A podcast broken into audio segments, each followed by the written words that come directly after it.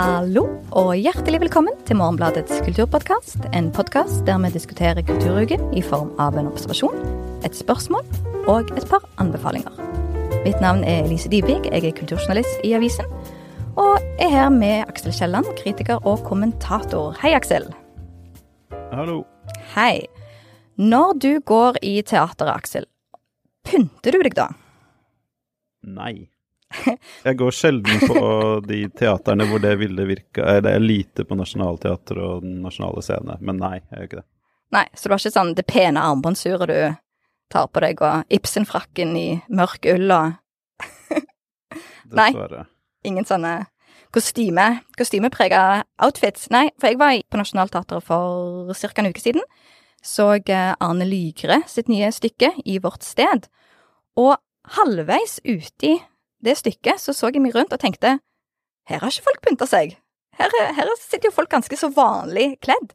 Og jeg var på ingen måte styla opp sjøl. Jeg hadde på meg en sånn lang, gul regnjakke og sånn refleksbånd, så jeg til og med fortsatte å ha på meg inne i salen. Eh, sikkert mange store irritasjoner, liksom. Lyset traff reflekselen. refleksselen. Og så tror jeg det var noe med at skuespillerne i dette stykket, blant annet Gisken Arman og Laila Goody, de var jo òg veldig vanlig kledd. De hadde på seg eh, genser og bukse, sånn at det var ikke noe særlig ekstravagant over Jeg tror jeg kanskje hadde tenkt på det mer hvis de òg på scenen hadde vært veldig herskapelige og aristokratiske og, og borgerlige. Men så dette, da, eh, fikk meg til å tenke på Nå er det jo veldig, som vi snakket om med kinoene, få folk tilbake på kinoen etter pandemi. Teatrene jobber jo òg kjempemasse med dette, og prøver å senke terskelen så mye som mulig. Og det at jeg ikke tenkte på dette, om jeg var for fint kledd, for fælt kledd, eller egentlig noe før liksom, nesten forestillingen var over, tenk, er jo et fint tegn på at uh, her er det jo bare å møte opp. Men når jeg nå søkte på nettsidene til teatrene, hva, hva sier de sjøl om, om kleskode? Og fordi at de, at de har et punkt om kleskode, tyder jo på at dette er jo fremdeles noe folk lurer på. Og Den nasjonale scene skriver at det er ingen kleskode på teatret. Dersom du vil pynte deg litt ekstra, så kan du gjøre det, men da for din egen eller selskapets skyld. Og Rogaland Teater har denne setningen, som jeg syns var ganske søt. Eh, Kom som du er, eller pynt deg til det ugjenkjennelige. Så avslutningen på denne visen er egentlig bare at jeg skal tilbake til noe som Rogaland Teater skrev i sin teaterbrosjyre i 2007 på påkledning. Og da skrev de Det er ingen formelle krav til din påkledning på teateret. De fleste besøkende har alminnelige klær på seg. Du kan kle deg som du for eksempel går på kino. Som jo er verdens Men det virker, flotteste det virker jo som det er et, et, et uh, marked her, da. Fordi at uh, man har jo det veldig bisarre og underlige fenomenet med sånne prohibition, uh, forbudstidsfester. Ja. hvor folk eh, liker å kle seg opp. Og folk liker jo å kle seg opp, så jeg tror jo det ligger et marked her for Hvis du, hvis du greier å definere det å gå på teater som en eller annen sånn der high-end eh, kveld på byen, at du bare sitter stille og drikker og liksom holder ut Kanskje du får en kortversjon av noe, da. Kanskje du får 45 minutter, så folk ikke liksom må, må holde ut for mye. Så tror jeg, tror jeg man har en, en forretningsidé hvor liksom du tar tilbake kleskoden og selger det som et nisjeprodukt. Kanskje det er dyrere til og med. Eh, ja, men der tror jeg du er inne på noe. dyrere. Bare ikke gi kinoene, nei, teaterne ideer. Nei, sant. Fordi at Så enten, sånn som jeg ser det, så kommer du i det du hadde med deg tidligere på dagen, eller det du gikk i. Eh, Jeg børsta håret før jeg gikk i teateret, det var liksom det nærmeste jeg kom til å pynte meg. Og så eh, eller, eller det som blir faktisk kostyme, da. Sånn som du sier, at da kommer du i Great Gatsby-outfiten og ser eh, Åh, nå skulle jeg ha et bra stykke her, det har jeg ikke. Ja ja, ser en dramatisering av Great Gatsby, da. La oss si det. Så, eh, så blir alle fornøyde. Ja, sant, at, at måten å få folk tilbake på, enten at du trenger ikke anstrenge deg, eller du kan anstrenge deg til det maksimale. Ja, for det er jo som vi snakka om, det er jo eventifisering da, av, av kinoopplevelsen. Du kan jo også ha det med teateropplevelsen, at, at de må ta det tilbake. Jeg, ser- jeg for meg at det må skje snart, det. En sånn der, litt sånn strengt uh, Altså mer, mer en kostymefest da, enn en, uh, enn en kleskode. Men, mm. Det er jo veldig greit å slippe, da, for mennesker Ja. som meg. Men, uh... Ja, men det det, det skal skulle spørre om helt til slutt. Hvis uh, nasjonale scene satte opp um, Twin Peaks, hadde du kledd deg ut som din favoritt-Twin Peaks-karakter da? Og godt? nei. Men Nei. jeg hadde forhåpentligvis kommet på en pressevisning, så hadde det ikke vært aktuelt. Ok. Eh, Så pressen slipper? Ja, nei da. Jeg, det det jeg syns er interessant med kanskje særlig Nationaltheatret, uh, som ikke går så du kan gå på klær så mye som på, på resten, er at det er det soleklart hviteste stedet i hele Norge. Hovedscenen. Hver gang jeg har vært på, på hovedscenen på Nationaltheatret, så har jeg tenkt sånn Det her er nærmest imponerende hvor mye man greier å, å appellere til noen og ikke andre. Kan kostymene gjøre noe med det, tror du? Det vet jeg ikke. Kan hende. Men det er en veldig sånn distinkt uh, valør på, på oppmøtet der. Dypest sett så er jo dette et spørsmål om koder, og her er det kanskje snakk om en kollaps av koder. Uh, men så skal vi over til ukas spørsmål, uh, som har å gjøre med fremveksten av nye typer koder som skal beherskes. Uh, hvordan lyder ukas spørsmål, Lise? Ukens spørsmål er kan du påvirke en krig med et Instagram-innlegg? Hamas' angrep på Israel og Israels påfølgende bombing av Gaza har jo ikke bare dominert de siste ukenes nyhetsbilde. I hvert fall hos meg og hos veldig mange andre, tror jeg, så har krigen dominert innholdsstrømmen på sosiale medier i ja, mange, mange uker nå. Og her er det jo veldig mange elementer i spill samtidig, det er mange ting vi kunne sett på, så vi skal prøve å gå inn på noen av disse kodene.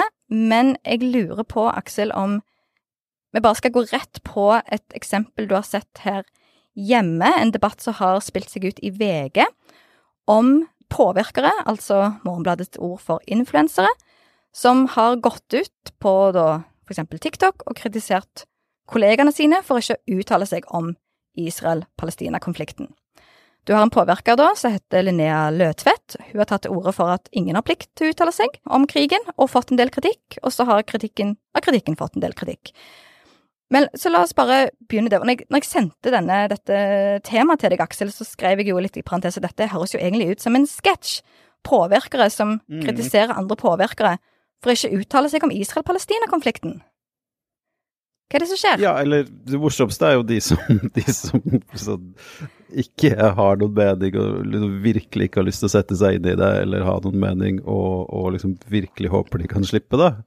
Det er jo morsomt. Men det, jo, det tyder jo på at liksom, dette spillet har regler, da. Og, og, det å være en tilstedeværelse i sosiale medier, det, det, forplikter mer enn kanskje mange har eh, tenkt, og mange er komfortable med. For én ting er at ok, jeg har ikke en mening om disse tingene, så jeg, jeg sier ingenting. Men her er det jo et trykk som er så voldsomt at noen føler at de må gå ut og si du kan ikke tvinge folk til å mene noe.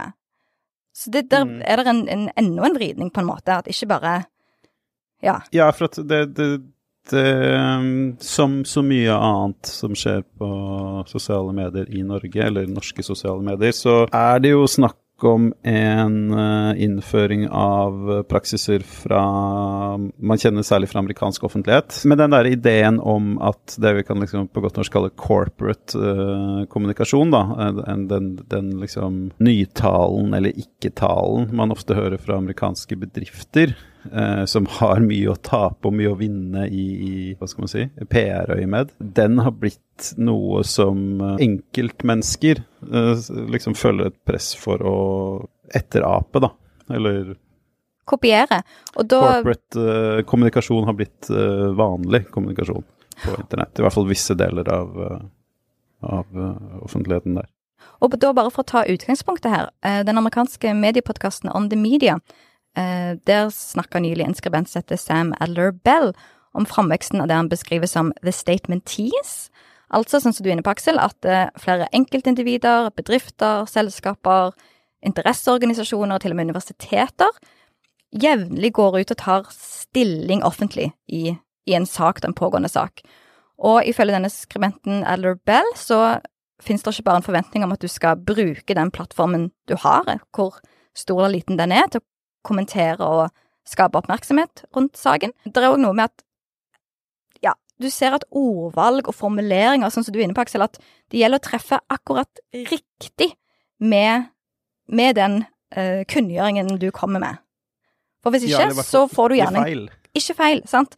For da får du gjerne en, en, runde med kontrovers om ja, men er ikke språket her litt vel passivt, har du ikke noe tatt inn over deg? For å si det, så må du først si at du tar avstand fra denne tingen. Um, og så får du raskt en sånn inntrykk av at dette er måten å gjøre det på. Og en blemme kan, koste, kan gi deg en rift, i hvert fall, i ditt um, offentlige bilde. Ja, og så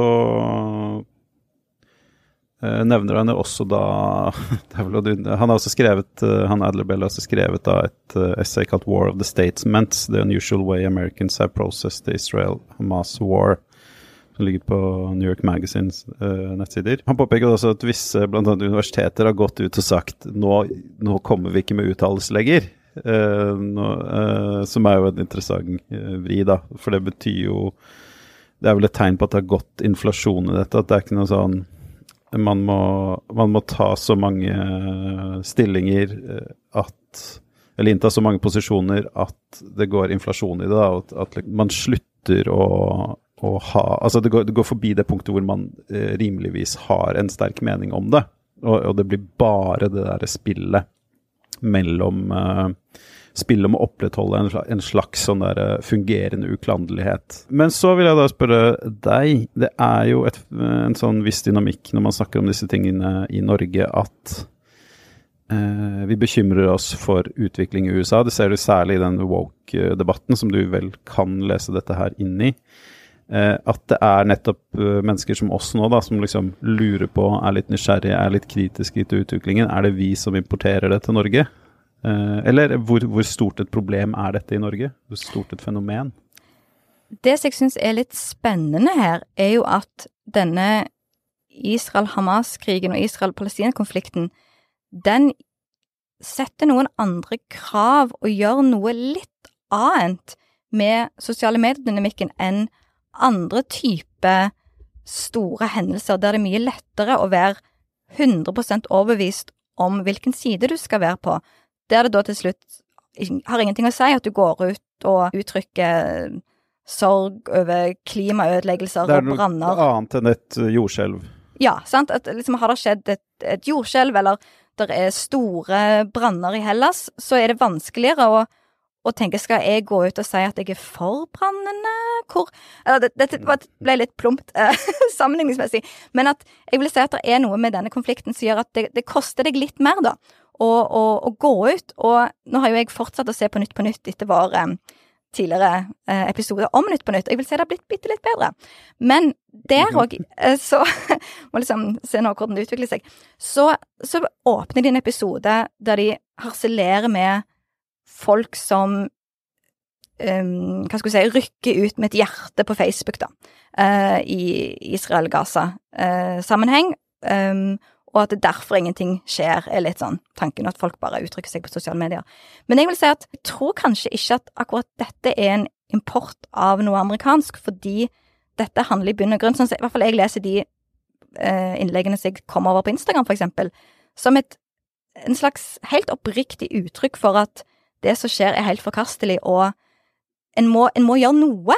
Og så er ikke dette hjertet bare, eller innlegget, en sånn måte å ikke gjøre noe, men det er, en, det er et ledd i mange andre typer handlinger. Jeg ser underskriftskampanjer, møter på, utenfor Stortinget, så det er mer en sånn paraply enn at du kan, du kan ikke vitse lenger om at eh, ja ja, så la jeg ut et bilde på Instagram, og that's it. Nei, eh, og jeg tror at uh, kjedelig observasjon, da, men, men altså jeg tror at uh, disse tingene verken er så ille eller så betydningsfulle som uh, det er lett å tenke i at Altså at um, jeg, har, jeg har tenkt mye på de siste ukene at Tenk hvor mye mange lidelseshistorier norske medier de siste årene har fått ut av uh, nordmenn som sitter fast på en flyplass i utlandet pga. en streik eller en uh, bemanningsmangel. Også kontra det hvor forsvinnende få uh, saker det har vært om nordmenn som sitter i Gaza.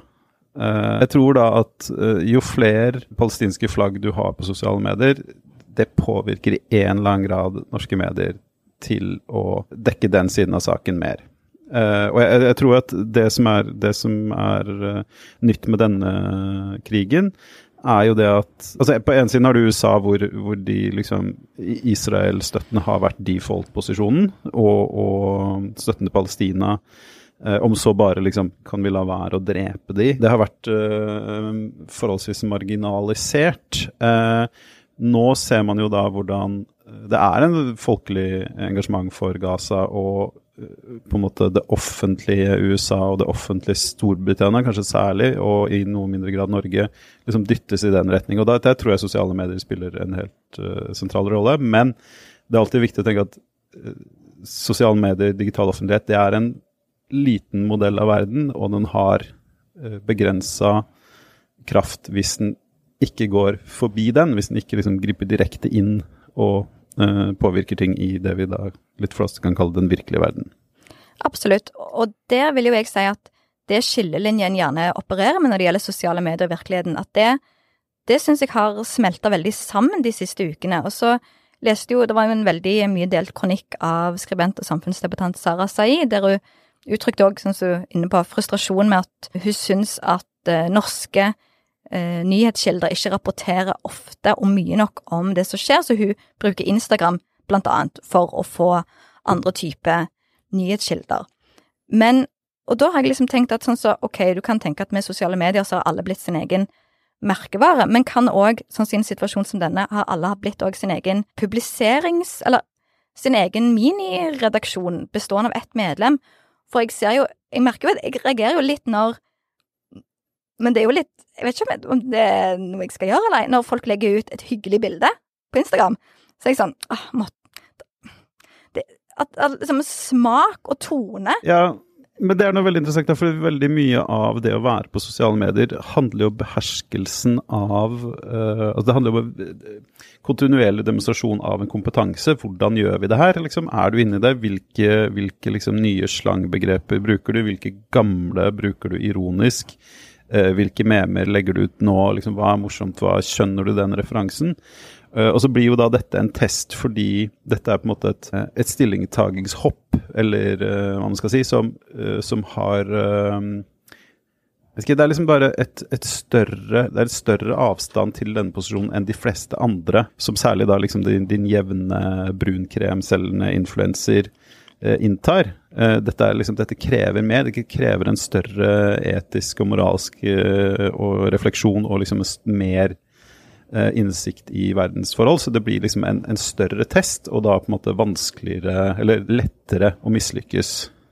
Uh, og så får vi se da om liksom fallhøyden er spesielt stor, for at det er jo litt uh, Ser man jo med såkalt kansellering, eller hva da, som liksom disse menneskene som da mener feil eller ikke mener noe i denne saken, så går det jo ofte fort over. For når hun ene påvirkeren da sier Ja, hun sier det Nei, VG siterer hun fra hennes egen TikTok-kanal, der hun sier noe Det er hun som da mente at du kan ikke tvinge folk til å mene om dette, at hun begynte ikke med sosiale medier for å fungere som en nyhetskilde til unge folk. Og da lurer jeg på at Kan du komme unna med det eller ei, eller er det sånn at hvis du, hvis du særlig får betalt for din opptreden på sosiale medier, så innebærer det at ja, men da er du nyhetskilde for unge mennesker, og da må du det er en del av jobben. Jeg syns jo, altså jeg synes jo hun, uh, hun, har et veldig godt poeng, og jeg tror jo at uh, hvis påvirkere fungerte som nyhetskilder for oppvokste generasjoner i større grad enn de gjør i dag, så ville vi og andre uh, tradisjonelle medier vært de første som beklaga oss over det. Samtidig så, preges jo den rollen av en sånn ganske total utflyttende grense mellom jobb og person, da. Eller person og personer. Mm. Uh, sånn at du Det blir vanskelig å, å, å skille. Eh, og det er på en måte produktet de selger, og det betyr at de burde være flinkere til å manøvrere disse nyansene. Uh, men jeg vet ikke, jeg syns jo litt synd på de òg. Liksom, hvis, hvis, det eneste du har drevet med er å liksom, spredt godt humør og vist treningsvideoer og sminkerutiner, og så plutselig så skal du ha en eller annen godt fundert mening om hvem som burde styre på, på Gaza og liksom tostatsløsning eller ei. Altså, det er et brutalt møte med virkeligheten. Ja, ja, sant. Hvis en setter dette i sammenheng med For det gjør det jo i denne amerikanske mediepodkasten som eh, vi nevnte tidligere, at de setter det i sammenheng med f.eks. Black Lives Matter, og hvordan det var trykk på at uh, stillhet er, uh, er med å opprettholde situasjonen sånn som den er, at du må bryte stillheten og da gjerne på sosiale medier for å få oppmerksomhet og skape endring. Og du så det samme med metoo, at det var et veldig sånn trykk på ytringen og det å bruke de verktøyene du har, da gjerne ofte sosiale medier, til å si noe. Jeg vet ikke helt hva jeg lurer på her, men det er igjen noe med at Kommer man noen vei, er ja. kanskje spørsmålet. Og arven etter metoo har vel vært sånn Når, man, når, når amerikanere, som var de som var liksom hardest på det og hadde de sterkeste virkemidlene og de sterkeste utfrysningene og, og liksom de lengste uh, rettssakene og sånn, så, så, har man vel sett at en del av de organisasjonene som ble danna for å, for å ettergå det juridisk og liksom arbeidsrettighetsmessig, uh, de har ikke hatt den effekten man håpa.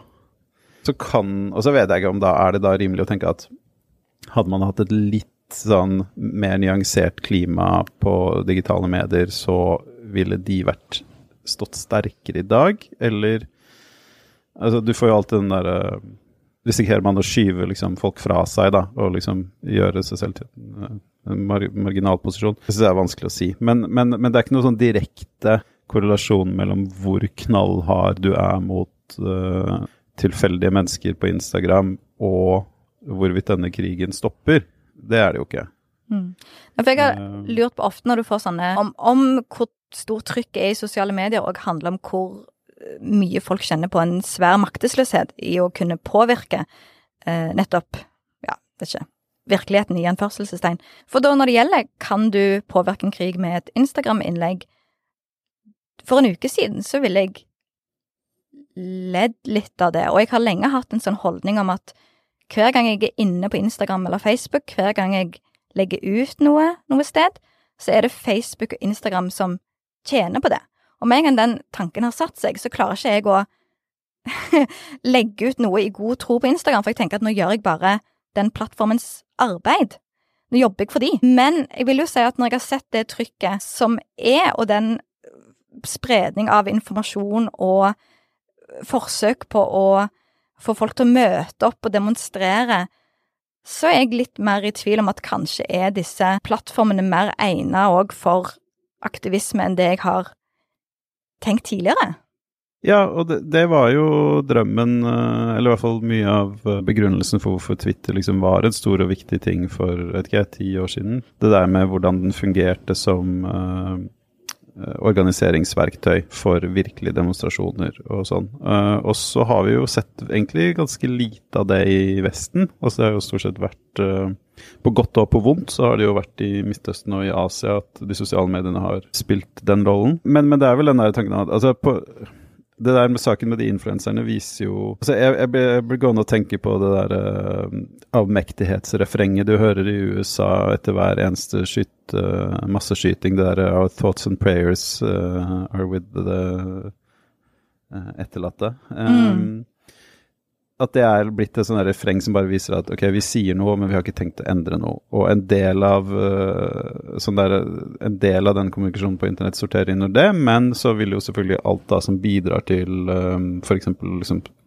trekke flere mennesker til store demonstrasjoner, sånn som du hadde den der megamarsjen i, i London nå, med alt etter hvem du spør, 300 000 eller en million uh, deltakere. Det er jo klart at sosiale medier har spilt en viktig rolle der, og, og det er sånn det burde brukes. Det hørtes ut som et sted å runde av. Anbefalinger, Aksel. Hva vil du trekke frem i dag? Har, de siste ukene så har jeg kontinuerlig sittet og villet anbefale Joe Sackos tegneseriebøker fra Palestina og Gaza, og kanskje da særlig liksom, mesterverket Eh, fotnoter i Gaza, som det heter på norsk. Footnotes in Gaza. Som en sånn kontekst for, eh, for å forstå konflikten og sånn bedre.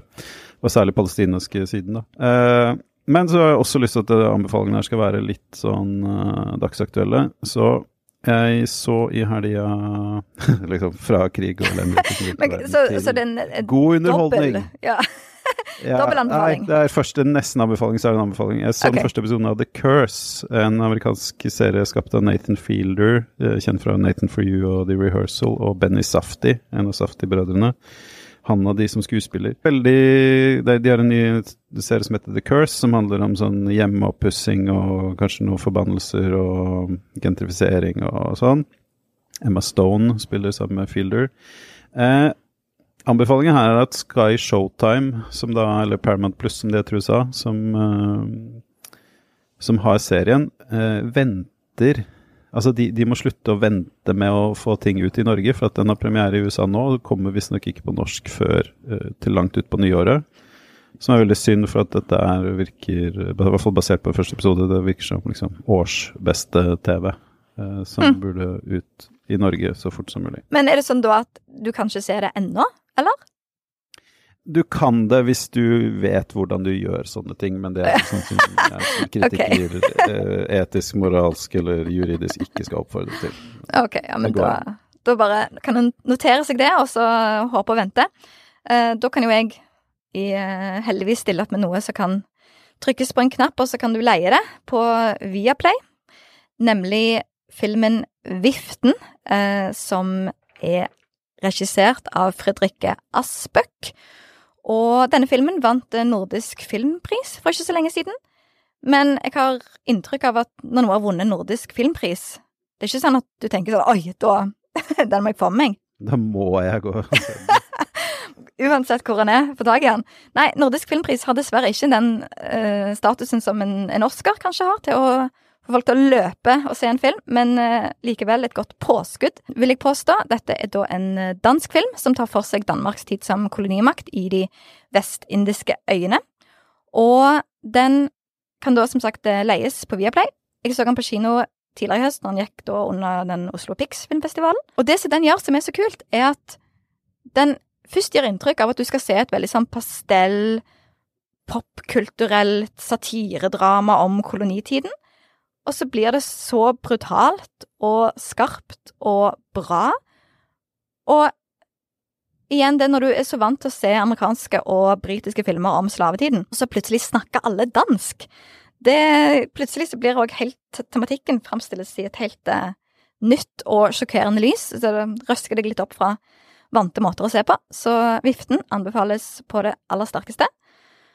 Og da tror jeg vi er ved veis ende. Men jeg kan jo òg nevne at torsdag så arrangeres Morgenbladsalongen. Bokårets gleder og sorger på Litteraturhuset. Det blir klokka syv, og arrangementet er gratis. Og um, får vi lagt en lenke i denne episodebeskrivelsen om hvor du finner mer ut om det.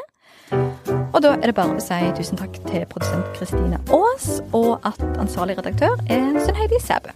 Vi snakkes.